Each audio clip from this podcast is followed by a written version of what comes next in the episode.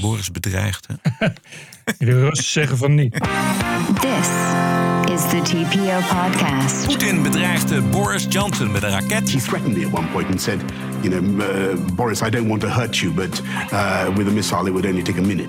Ook de hoop Scheffer ziet geen taboes op zware wapens. Ik ben er in het afgelopen jaar volstrekt van overtuigd geraakt dat de inzet van deze oorlog is immens. En daar past wat mij betreft eh, de leverantie van zwaardere wapens zeer wel in. En hoe racistisch zijn vijf zwarte politieagenten in Amerika. I very much doubt that anything will change until we eradicate the source of this problem, which is white supremacy. Aflevering 426. Ranting and Reason. Bert Bresson, Roderick Phalo. This is the award winning TPO podcast.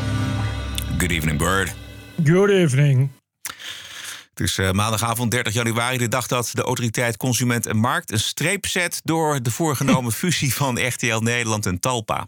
Ah ja, ja, ja, ja. Ja, weet je, ik weet niet voor wie het het ergste is. Voor Nee. Talpa of voor RTL, maar het is voor beide erg. Ja, dat is een goede vraag. En ehm, die, die twee bedrijven die staan eh, nu aan het begin van een hele lange eindsprint naar de, naar de bodem. Namelijk de komende 15 jaar sterven alle babyboomers uit. En daarmee ook het gros van de tv-kijkers. FM-luisteraars. En ja, daar moet je ook nog eens tussendoor, tussen het afkalvende eh luisterbestand, vechten tegen de groeiende macht van Google en Ja. eh, Facebook. Ja, precies, want daar ging het allemaal om. Eh, die zijn zo ongelooflijk machtig in die advertentiemarkt dat De Mol en RTL niks anders zagen dan fuseren. In de hoop dat ze nog kunnen verder overleven, langer dan 15 jaar. Maar het mag allemaal niet van de, de autoriteit Consument en Markt. Want te groot op de televisiemarkt, die aan het verkleinen is verder. En het zou nadelig uitpakken voor de adverteerders en voor consumenten. Ja. Er is iets voor te zeggen natuurlijk, maar het is ook een typische uitspraak van nu. Terwijl het RTL en de Mol het juist ging om de toekomst. Het, is natuurlijk, het klopt wel, je begrijpt die autoriteit ook wel. Want je creëert natuurlijk eigenlijk een, een, soort, een, een soort Nederlandse versie van Google en Facebook in één. Waardoor eh, alle andere adverteerders het nakijken hebben. Maar ja, de vraag is nu wel je in de persgroep wil het, hè, wil het kopen. Ja, dan krijg je natuurlijk hetzelfde. Ja. Weet je, alsof dat, en dat is dus het probleem dat je op, op een hele kleine overspannen markt zit.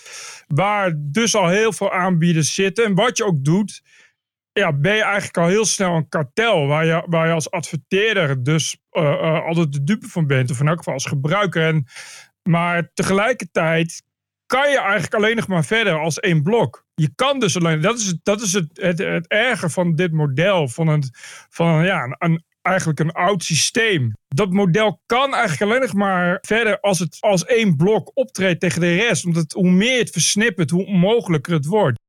Ja, je kan nu niet meer als kleine partij zeggen: Goh, weet je wat, ik ga eens even lekker commerciële televisie brengen. Ja, dat heeft geen zin. Nee. Als je het dan hebt over echte kijkcijferkrakers zoals The Voice bijvoorbeeld. eh, dat zijn natuurlijk, daar wordt enorm veel advertentiegeld binnengehaald op de live-uitzendingen. Maar ja, dat gaat in de toekomst natuurlijk. Binnen 15 jaar zit dat achter de decode bij, eh, bij Videoland.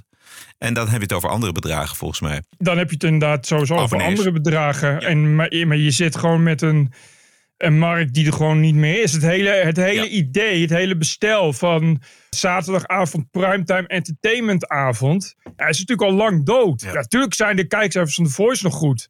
Op zich blijft het ook wel. Maar het was niet zo heel lang geleden. Was alles wat je op RTL zet op zaterdagavond goed. Maar dat, dat is er gewoon niet meer. En helemaal de kleinere radiozenders. Die, die, die John de Mol die, eh, heeft natuurlijk een hoop radiozenders nog. En dat is allemaal FM. En er wordt straks weer opnieuw geveld. Voor die etenruimte die heel beperkt is. Die heel erg gereguleerd is. Wat er dan gebeurt is heel bizar. Omdat je dan die mensen hebt. RTL, eh, de persgroep, John de Mol. Die doen er alles aan om dat plekje in die eten te krijgen. Om weer een licentie te krijgen. Daar hebben ze al geld voor over. Voor echt iets wat over tien jaar is het weg. De radio bestaat voor 80% uit bejaarden. Tenminste, de etenradio. Dus die eter, dan kun je over 15 jaar, kun je dat voor een tientje, kun je heel de eten kopen. Ja. Het is zo'n kleine markt, dat is onvoorstelbaar. En zoveel spelers. En het is zo'n krankzinnige vechtmarkt geworden. Ja, dan kun je, volgens mij kun je beter eh, zeggen van ja, dan kun je nog misschien een, inderdaad iedereen bij elkaar gooien. En maken er dan een soort van semi-gereguleerd kartel van. Of zo. Ja. Ik, weet het, ik Ja. weet het ook niet. Ik, ik Nee. heb natuurlijk ook de antwoorden niet. Nee, maar die, die antwoorden die moeten komen van niet van de autoriteit Consumentenmarkt, maar van RTL en van Talpa. Dat zijn natuurlijk de, bedrijven die moeten gaan zoeken naar een nieuwe strategie. RTL is daar al eh, behoorlijk mee aan de slag. Videoland. En Talpa weet ik niet. Nee, die- is onduidelijk. Misschien stapt hij er wel uit. Stopt hij er gewoon mee. Ja. Ja, het model wat hij nu heeft, dat gaat gewoon weg. Oude media's zijn dat. Yep, yep. Goed, het belangrijkste nieuws speelt zich toch weer af in Oekraïne. In een nieuwe BBC-documentaire Putin versus the West vertelt Boris Johnson dat eh, Poetin hem dreigde met een raket. He threatened me at one point and said, you know, uh, Boris, I don't want to hurt you, but uh, with a missile it would only take a minute or something like that, you know. uh, you know, jolly.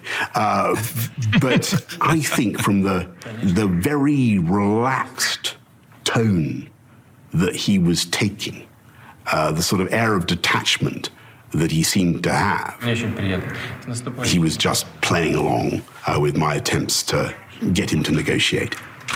Eh, dit was trouwens de laatste keer dat ze elkaar spraken voordat Poetin Oekraïne binnenviel. Oh ja. Powerplay natuurlijk van we moeten onderhandelen. Zondag zat oud-NAVO-secretaris-generaal Jaap de Hoop Scheffer bij Buitenhof. Bent u verrast over het enorme tempo dat we nu zien om meer spullen naar Oekraïne te krijgen? Ja, daar ben, ik, daar ben ik door verrast. Positief door verrast, moet ik zeggen. Ik geloof dat ik hier wel eens eerder aan tafel heb gezeten en gezegd heb van nou, we begonnen met helmen en schermvesten. Eh, waar eindigt het? Maar ik ben er in het afgelopen jaar volstrekt van overtuigd geraakt dat de inzet van deze oorlog is immens. Die inzet is namelijk, houden wij een Europa en een wereld zoals we die hebben gebouwd? Of krijgen wij een ander soort Europa als Poetin wint? Dus die inzet is, is echt heel groot. En daar past wat, mij betreft, eh, past wat mij betreft de leverantie van zwaardere wapens zeer wel in. Hij eh, lijkt er zelf ook over verrast. Ja, Maar ja, hij, kennelijk, hij zegt al dat hij dat het toch het afgelopen half jaar eh, heel anders is gaan zien. misschien wij ook wel, Bert. Wij zijn ook verschoven. Maar de drang van Poetin om, om via geweld zijn rol in Europa op te eisen. Dat is in ieder geval voor de hoop Scheffer de reden dat, dat hij zegt van zwaardere wapens naar Oekraïne. Wat natuurlijk gewoon dichtbij is. En ehm, de oorlogsmisdaden die er worden gepleegd, de, de brute aanval, is natuurlijk toch ja, een dicht bij je bedshow. Ja. En, eh, en dan denk je, oh ja, dat was ook alweer. Nu ineens weten we weer. En je zei het net zelf al. bedoel, het was uiteindelijk. De Koude Oorlog was zo uitgedoofd. tot aan het punt dat zelfs Rusland dacht over deelname aan de NAVO. Ja. Eigenlijk was iedereen vergeten. wat een dreiging ook alweer is. Ja. en wat dat betekent. Ja. Ineens is, is de be- bewapening en defensie is weer helemaal hot. Even nog terug naar dat moment dat we dat dachten dat we dit wat we nu meemaken helemaal nooit meer zouden meemaken. Wij zijn in 89, toen de muur viel, eh, figuurlijk op het strand gaan zitten onder een parasol. Hebben ons een glas witte wijn laten aanreiken.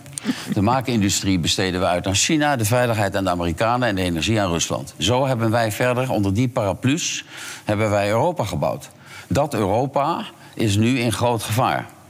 En die jongere generaties, en dat is dus ook een, een, een, verantwoordelijkheid van onze politieke leiders, die jongere generaties moeten ervan overtuigd worden. Ik kan naar mijn eigen dochters kijken, beginnende veertigers, die, die misschien zich de beelden van de Balkan herinneren in de negentiger jaren, maar geen oorlogen, geen conflicten, geen massale doden in een, in een oorlog. Het is belangrijk dat ook op termijn die generaties, en niet alleen de mijne als oudere generatie, eh, ervan overtuigd zijn dat het onze oorlog is. Dat is een mooi pleidooi. Tegelijkertijd, u was in die hele periode dat Europa lui onder een parasol ligt met een glas wijn in de hand. U was een van die wijndrinkers, hè? Want u was secretaris-generaal van de NAVO. U was minister van Buitenlandse Zaken. Ik, ik, ik hou van een glaasje wijn, wil ik u, zal ik u niet, eh, niet, niet ontkennen. Het is flauw om het persoonlijk te Ik maken, heb- misschien, maar begrijpt u... Nee, maar u mag het persoonlijk maken. Ja, Ik- u ik u heb- zit op die, plop- op die posten waar je zou kunnen zeggen... Ja. Ja. maar als wij zo doorgaan, dan hebben we straks geen leger meer in Europa. Nee, maar als u in uw beeldarchief duikt, eh, of in het, in het radioarchief... ik heb mij eh, decennia lang roepen in de woestijn gevoeld. Ja, precies. Eh, want hij kreeg gewoon nul op het request van de regeringen. Die dachten allemaal, het is allemaal voorbij. En de NAVO, moeten we daar nou überhaupt nog aan bijdragen? Nee, ja, dat is eh, Europa breed, eh, begrijp ik. Het was vandaag dat, dat de Britten te horen hebben gekregen van een Amerikaanse topgeneraal.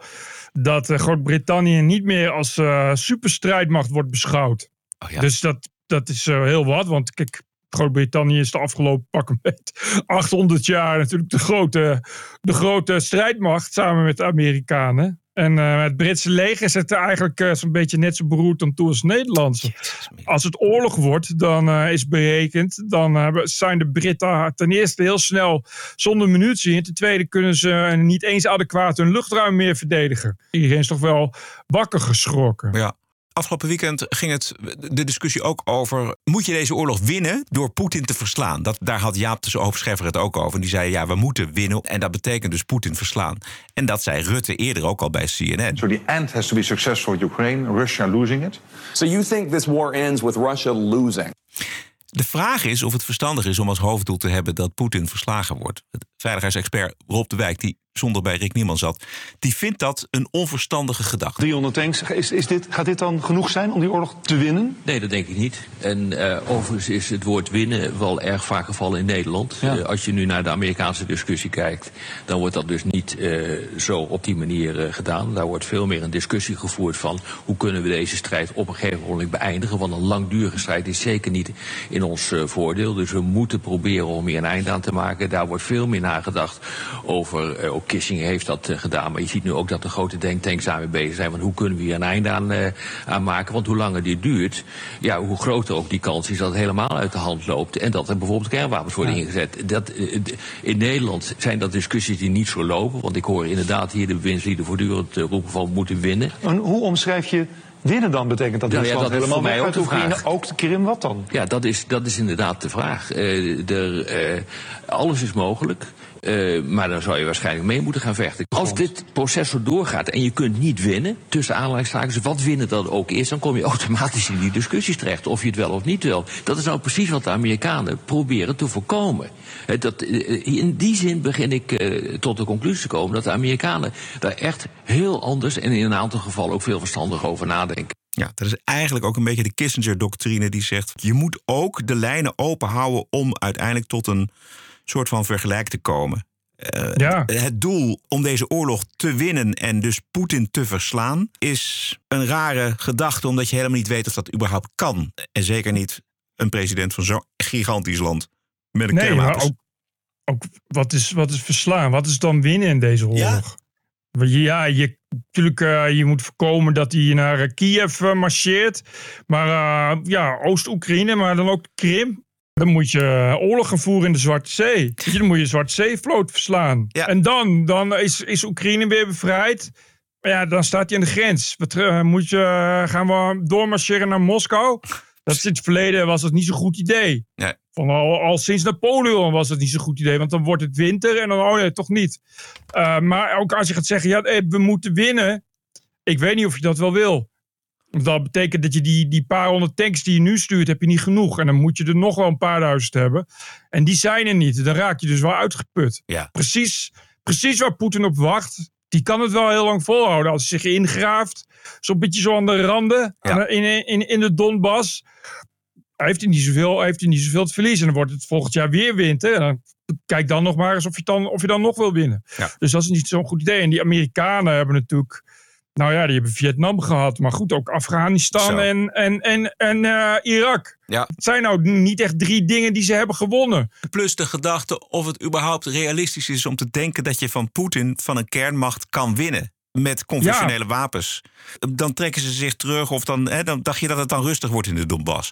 En dacht je dat Nee, eh, de Krim ooit zal worden opgegeven door de Russen. Nee, dat, en ik begrijp de retoriek van Zelensky en van de mensen in, eh, in Oekraïne, begrijp ik wel.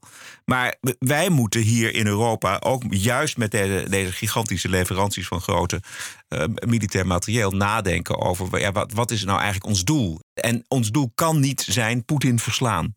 Poetin heeft toch eh, nog een hoop kaarten heeft hij, eh, heeft hij nog lang niet laten zien.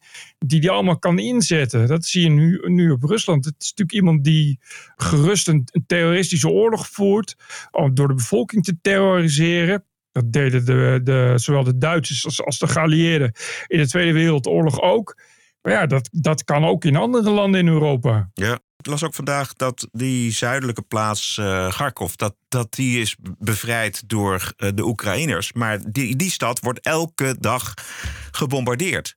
En of dat nou uit de. Donbass is of eh, uit een plek ergens in Rusland of uit de Krim, daar gaan ze gewoon mee door. En als het Kharkov niet is, dan zal het wel een keer Kiev zijn. Er moet een regeling komen. Een keer. Nee, je, het is, je kan het gewoon niet winnen. Poetin kan het ook niet winnen. Maar ja, je, wij, ja, het Westen kan het ook niet winnen. Je kan, die Zelensky wil gewoon Poetin eruit hebben. Maar ja, als, als je daarvoor ook de Krim weer terug wilt. I don't know. Dat lijkt mij eh, toch wel eh, een schoolvoorbeeld van de Derde Wereldoorlog beginnen. We hebben ook nog Donald Trump. Onder hem was het allemaal niet zo ver gekomen. Through weakness and incompetence, Joe Biden has brought us to the brink of World War III. We're at the brink of World War III, just in case anybody doesn't know it. As president, I will bring back peace through strength. Peace through strength would have never happened. If I was president, there would not have been a war with Russia in Ukraine. Zero chance. And Lindsay would be happy with that. That's better than any alternative. Wouldn't have happened. And I will say this even now, despite tremendous loss of lives and destruction of much of that country, I would have a peace deal negotiated within 24 hours. You could make a peace deal, you could make a deal for both right now. Ja. Zo is Trump, jongen. 24 uur gelopen koers. En alleen maar met onderhandelingen, hè? Het is als Poetin die ziet Trump en dan is het eigenlijk al klaar. Deal. Deal. Ze is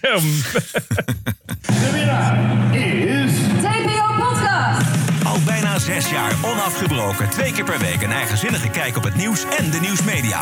Elke dinsdag gratis en elke vrijdag voor abonnees.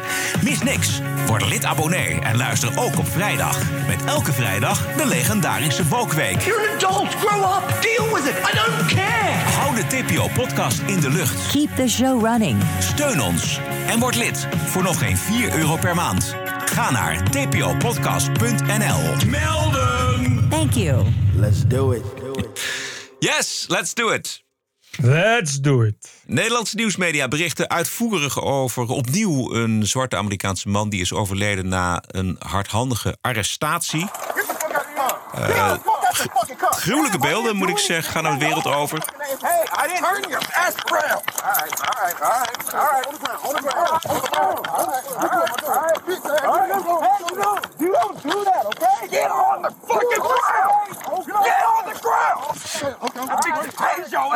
Eigenlijk drie zaken vallen mij op. Het onvoorstelbare geweld dat wordt uitgeoefend door vijf politieagenten op één jongen van 29. Daarover zometeen ook de politiebaas van Memphis.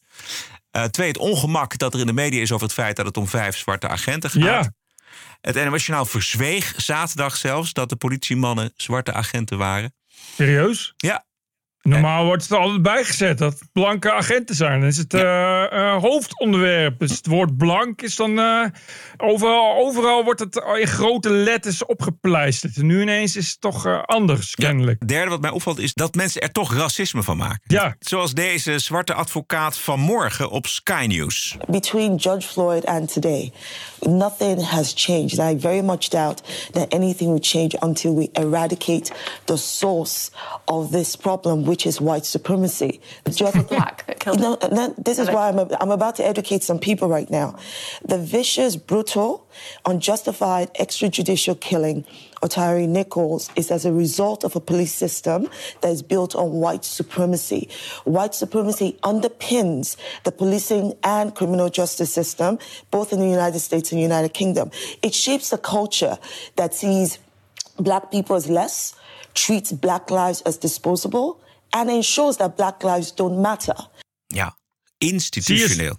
Zo makkelijk gaat dat. Ja, zo makkelijk gaat het. Zelfs als je zwart bent, ben je toch een eh, blanke racist. Precies, de redenering is best onontkoombaar, want George Floyd eh, kwam om het leven wegens racisme bij de politie. Dat is overigens nooit Juist. bewezen, maar goed, dat was dan aannemelijk. Institutioneel racisme.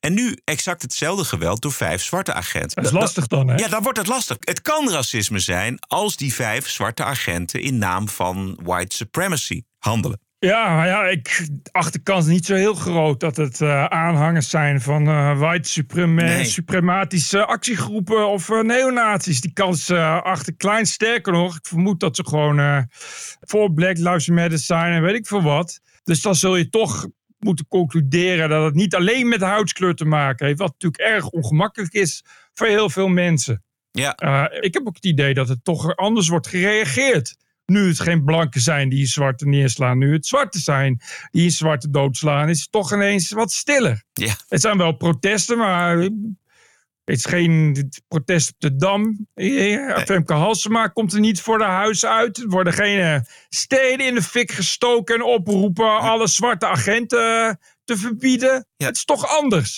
Bij de NOS zeggen ze ineens niet meer erbij wat de huidskleur is. Zoals ze dat normaal altijd zo gretig doen als het blanken zijn. Bij RTL eh, deden ze dat wel. Ik, ik zat er echt op te wachten bij het NOS-journaal. Het gebeurde gewoon niet. Dit is echt raar. Want het is gewoon een belang, het is echt een van de belangrijkste feiten uit het hele nieuws. Ja. Los van dat er iemand is doodgeslagen.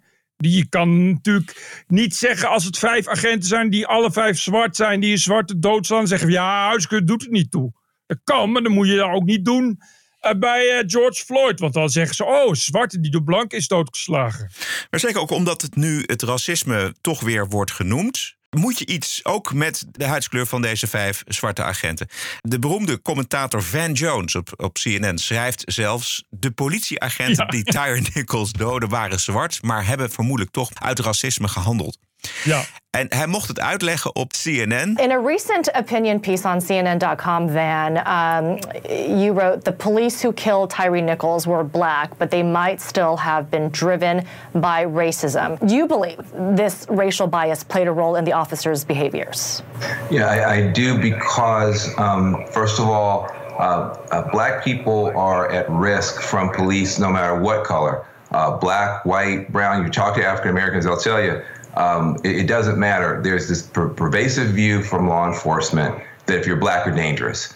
And I think some people think, oh, well, so a white police officer going after a black person, you understand the racial implications. The problem is, uh, there are whole neighborhoods that in many cities are just considered by police departments kind of war zones, and anything goes there. And so um, I I think we have to have a more nuanced view of what's going on to root out uh, racism. It's not just about having black cops or white cops or brown cops. It's about having cops that are trained to respect everyone and who are disciplined and punished when they don't. And when you don't have that in place, uh, black people are at risk no matter the color of the police officer. Ja, hij zegt dus dat racisme is pervasief. Dat is allemaal vertegenwoordigd in dat Amerikaanse politieapparaat. In principe eh, kun je het hier volledig mee eens zijn. Maar je kan natuurlijk niemand wijsmaken dat mensen die zelf zwart zijn. Dat je daar, daar niet anders in staan. Dat, dat gaat gewoon. Ik vind echt. Kijk, het probleem is dat, dat hier nu ineens wordt gezegd.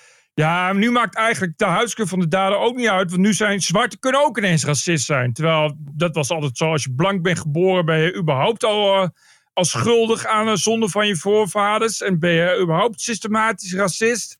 Ja, nu, nu zwart ook. Zo werkt dat natuurlijk niet. Dat zou eh, eh, waar zijn dat er blanke agenten zijn die er nog een racistische vooroordelen op nahouden. Maar bij racistische vooroordelen ga je ervan uit dat jij beter bent dan de ander. Of dat een ander minderwaardig is door zijn huidskleur.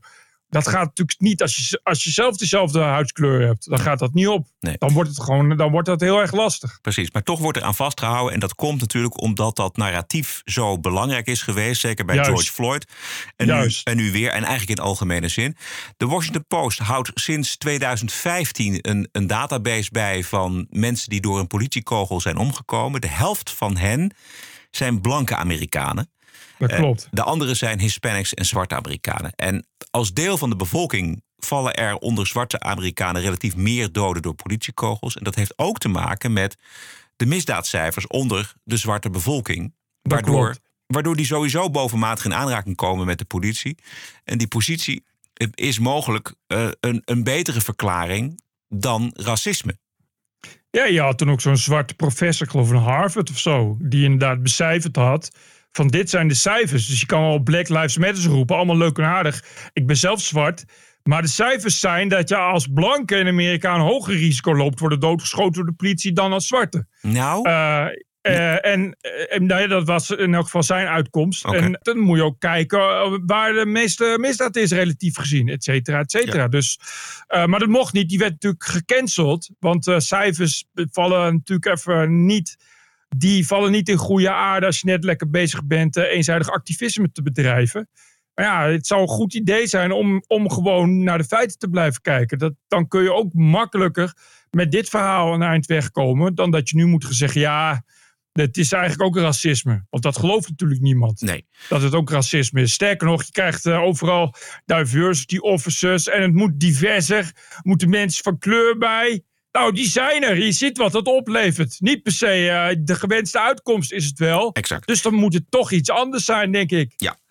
Maar er speelt natuurlijk ook, zeker als je die beelden ziet, er is natuurlijk iets mis met die opleiding van die agenten. Het gaat met zo'n geweld ge- gepaard. Het eerste wat ik dacht van dit ligt niet aan opleiding of racisme of wat dan ook. Dit ligt aan gewoon dat het wel echt slechte mensen zijn. Die volgens mij ook gewoon heel blij zijn dat ze even geweld kunnen gebruiken. Ik vond het meer een soort sadisme. Dat eh, had een erg eh, Rodney King eh, gehalte, moet ik zeggen. Ja. Toen kwamen de rellen, die bleven nu uit. Het zou al niet te maken hebben met de huidskleur van de agent, hè? is het wel. Dat zou racistisch zijn. Ehm, Dus ik, ik, ik, ik dacht wel, ja, ik begrijp wel dat het een speciale unit was. Ja. Die Scorpion unit, wat, ja, nou goed, je hebt natuurlijk bij de politie ook wel units die, waar niet de allerliefste mensen bij zitten. Ook omdat ze eh, normaal gesproken dealen met, met ja, gevaarlijke, gewelddadige lui. Maar ik vond het toch een beetje... Ik weet niet, het had een erg hoog... Laten we eens even lekker doortrappen gehalte. Ja, inderdaad. Precies. Dat is, Om, dat is om, het ik had ook niet het idee. Ja, die gast rent weg. Of zo, maar op een gegeven moment hadden ze hem wel. Ik had ook niet het idee dat het nou een hele gevaarlijke. Eh, agressieve gek was. die je toch echt eerst helemaal lens moet slaan. omdat je anders niet veilig in je politieauto kan zetten. Het was meer dat het gewoon ineens geen rem meer op het geweld zat. Ja. Het, het argument van de agenten is dat hij roekeloos reed. Maar van alle camera's die er overal, die, die sowieso die agenten hadden. en die in die auto's zitten. en van de omgeving. op alle camera's is niets te zien van roekeloos rijgedrag. Dat is één. Dat heeft de baas van de politie in Memphis heeft dat gezegd. Dan Leman. Onze Don Lemon van, van D66. Van, van D66 moet je mij. Van, van, Super D66. Van CNN, ja precies. Die heeft dus gesproken met die politiebaas eh, van Memphis. Ah. Dat is een zwarte vrouw. Haar naam is C.J. Davis. En zij heeft dus een paar jaar geleden eh, die speciale politie-units opgericht... om de straten van Memphis juist veiliger te maken. He was uh, apprehended by uh, the Scorpion unit, which was launched under your leadership in 2021. Yes. Um, were they part of a street crimes unit? There was no. Were they looking for some other crime other than reckless Absolutely. driving for, from Tyree Nichols? Absolutely. Well, you know, the, the Scorpion Unit, the acronyms Street Crimes Operations to Restore Peace in Our Neighborhoods. The whole concept was based on the fact that we had an outcry because of three years of violence in the city. You know, um, numbers of violent crimes, robberies, homicides, aggravated assaults. And this is one of three teams whose uh, primary responsibility is to reduce gun violence, to um, be visible in communities, and um, and to also impact the rise in the crime. Basically, out of out, out of an outcry from the community, we had record numbers in 2021, 346 homicides. So this unit was put together, and they had great success, believe it or not. Um, last year uh, was the first year in a long time that we had So, reductions. but is this an indication of a failure in that unit? Um, this is an indication that there is uh, a gap somewhere in that unit. Ja, dat kun je wel zeggen. Nou, zeg dat ja. Tja. Ja. Dus dit is allemaal veel meer dan de simpele verklaring dat eh, de Amerikaanse politie in het hele land racistisch is. Dit zijn inderdaad gasten die. Het deugt van geen kant als je ziet wat ze allemaal uitvreten met die gast. Precies. Het is zichtbaar, weet je. Het ja. is niet, niet zo'n Mits Henriques zaak dat je iemand eh, in bedwang wil houden en dat het dan misgaat. Hier, dit, was, dit was echt bewust geweld gebruiken. Ja. Ook als het, terwijl het niet nodig is. Het gaat dieper dan iets dan alleen maar zeggen, ja, racisme. Exact. Z- Zwarte agenten kunnen zich ook misdragen. Misschien is, is dat wel lastig. Nou ja, weet je, ik kan me best voorstellen dat je ook als zwarte agent, door wat je meemaakt, zeker als je in, zo'n unit, waarin je toch te maken krijgt, denk ik, met bendegeweld en weet ik veel wat, dat je etnisch gaat profileren. Dat, dat- of je dan zelf zwart bent, maakt natuurlijk niet zoveel uit. Ja. Maar dat is discriminatie, geen racisme. Ja. Is nogal een belangrijk verschil. Weet je, ik bedoel, eh, eh, dat is iets waar je, wat je doet om dezelfde reden waarom je in Amerika eerst, eerst als agent je wapen trekt. Omdat je nou helemaal weet dat heel veel mensen eh, een vuurwapen hebben. En als je niet het eerste bent, ben je de lul. Ehm, maar dat soort dingen ontstaan. En daar kun je van alles van vinden. Maar ze ontstaan, maar ze hebben niet te maken met racisme. Want racisme is echt iets vinden puur en alleen op basis van iemands huidskleur. En dat is natuurlijk niet zo, omdat ah, die agenten zelf al zwart zijn. Ik- en dan moet je toch de conclusie trekken dat het eh, iets is wat binnen, nou, in elk geval, ik, ik, ik zal niet zeggen binnen de hele politie in Amerika, maar in elk geval binnen sommige politieteams kennelijk leeft. Dat er een, een soort van haat optreedt tegen de mensen die je aanhoudt. Of whatever the reason ook is om dat soort geweld te halen. En dan zit dat inderdaad in je, in je politiecultuur, in je selectie van, van agenten. Maar ik denk dat dat een conclusie is die heel veel mensen niet bevalt. Want dan kun je het niet meer op racisme gooien. Zij halen discriminatie en racisme door elkaar. Zo'n Van Jones bijvoorbeeld. bedoel- bedoel je? Ja. ja. Ja, en ik, ik, natuurlijk heeft hij een punt. Tuurlijk worden daar etnisch geprofileerd. Als je daar elke dag op straat rijdt en je hebt te maken met bendes. Ja, een groot gedeelte van die bendes bestaat uit Hispanics en, en zwarte. Weet je, je kan dan niet zeggen, oh, ik ben, zelf, ik ben zelf zwart, dus ik ben echt altijd kleurenblind. Ja, je, dat, zo gaat het gewoon niet. Je, en dat is, dat is iets. En, en, je, en dat is ook iets wat ik, wat ik in Nederland ook vind. Weet je, dan wordt er dan gezegd van ja, eh, er wordt etnisch geprofileerd. Dus als je een zwarte bent in een dure auto, word je eerder aangehouden. Ja, ik heb die Koos P. ook wel eens gesproken, zo, die, die verkeersofficier. Die zegt ook van ja, je ontkomt daar gewoon niet aan. Als je daar elke dag op de weg rijdt, 9 van de 10 keer. Eh, die lui in een, in een opgefokt Volkswagentje is een mokro, ja. Dat begrijp ik. Maar de, de agressie waarmee vijf agenten, van welke kleur dan ook, op een eh, ja, tamelijk rustige jongen reageren en hem afmaken. Nou, dat Het is geen racisme. Nee, dat gedrag moet je dan benoemen, maar dat is dus iets wat, wat, wat, wat die hele BLM en woke-flank niet wil benoemen. Juist, precies. Omdat ze het op racisme willen gooien. Maar je, je hebt toch een, een ironische voorbeeld, kan toch niet? Vijf zwarte agenten die een zwarte doodslaan met zwaar geweld. Bovendien een politie waarvan de baas een zwarte vrouw is. Inclusieve kan het toch niet? Maar dan- is de conclusie die je dan trekken is dat je dus ook gewoon heel inclusief kunt worden doodgeslagen. Nou, als dat je conclusie is, zal het wel eens kunnen dat het helemaal niet zoveel te maken heeft met racisme, maar gewoon met een heleboel andere dingen, doodnormale dingen, namelijk dat er heel veel klootzakken tussen zitten, dat je opleiding niet goed is, dat er een verkeerde cultuur is, maar dat het veel minder met de huidskleur heeft te maken dan dat je graag zou willen, omdat het zo lekker makkelijk is. En dat zegt ook deze CJ Davis, eh, die vrouw, hoofd van de politie in Memphis, die eh, zegt ook wel, om- omdat het vijf zwarte agenten zijn, speelt racisme geen rol. Andere dingen zijn er aan de hand, zegt ze. In de TPO-podcast op vrijdag, de Wokweek. Ook in de wiskunde valt nog genoeg te decoloniseren. Het absurdisme. You're an adult, grow up, deal with it. De terreur. Everything woke turns to shit.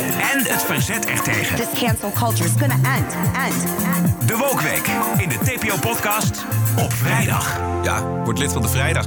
Voor de vrijdagabonnees die weten dat we het vrijdag uitgebreid gehad hebben over de naïviteit van Nederland in de wereld. Geen benul van de technologische voortgang die China maakt. Eh, we spraken over het verbijsterende nieuws van RTL dat de firma Visser, die voertuigen en apparatuur maakt voor defensie, al tien jaar in de handen is van Chinezen die daar alles doorspelen naar Peking.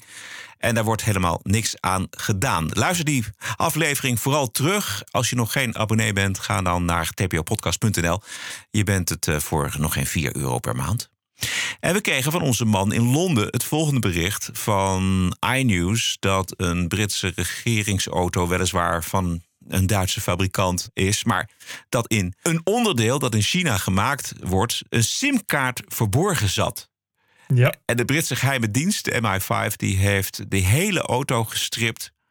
En ik vroeg me af, ja, waarom zou dat nou alleen in auto's van de Britse regering voorkomen? Niet. Dit ga je echt, in de komende tijd ga je het veel meer zien.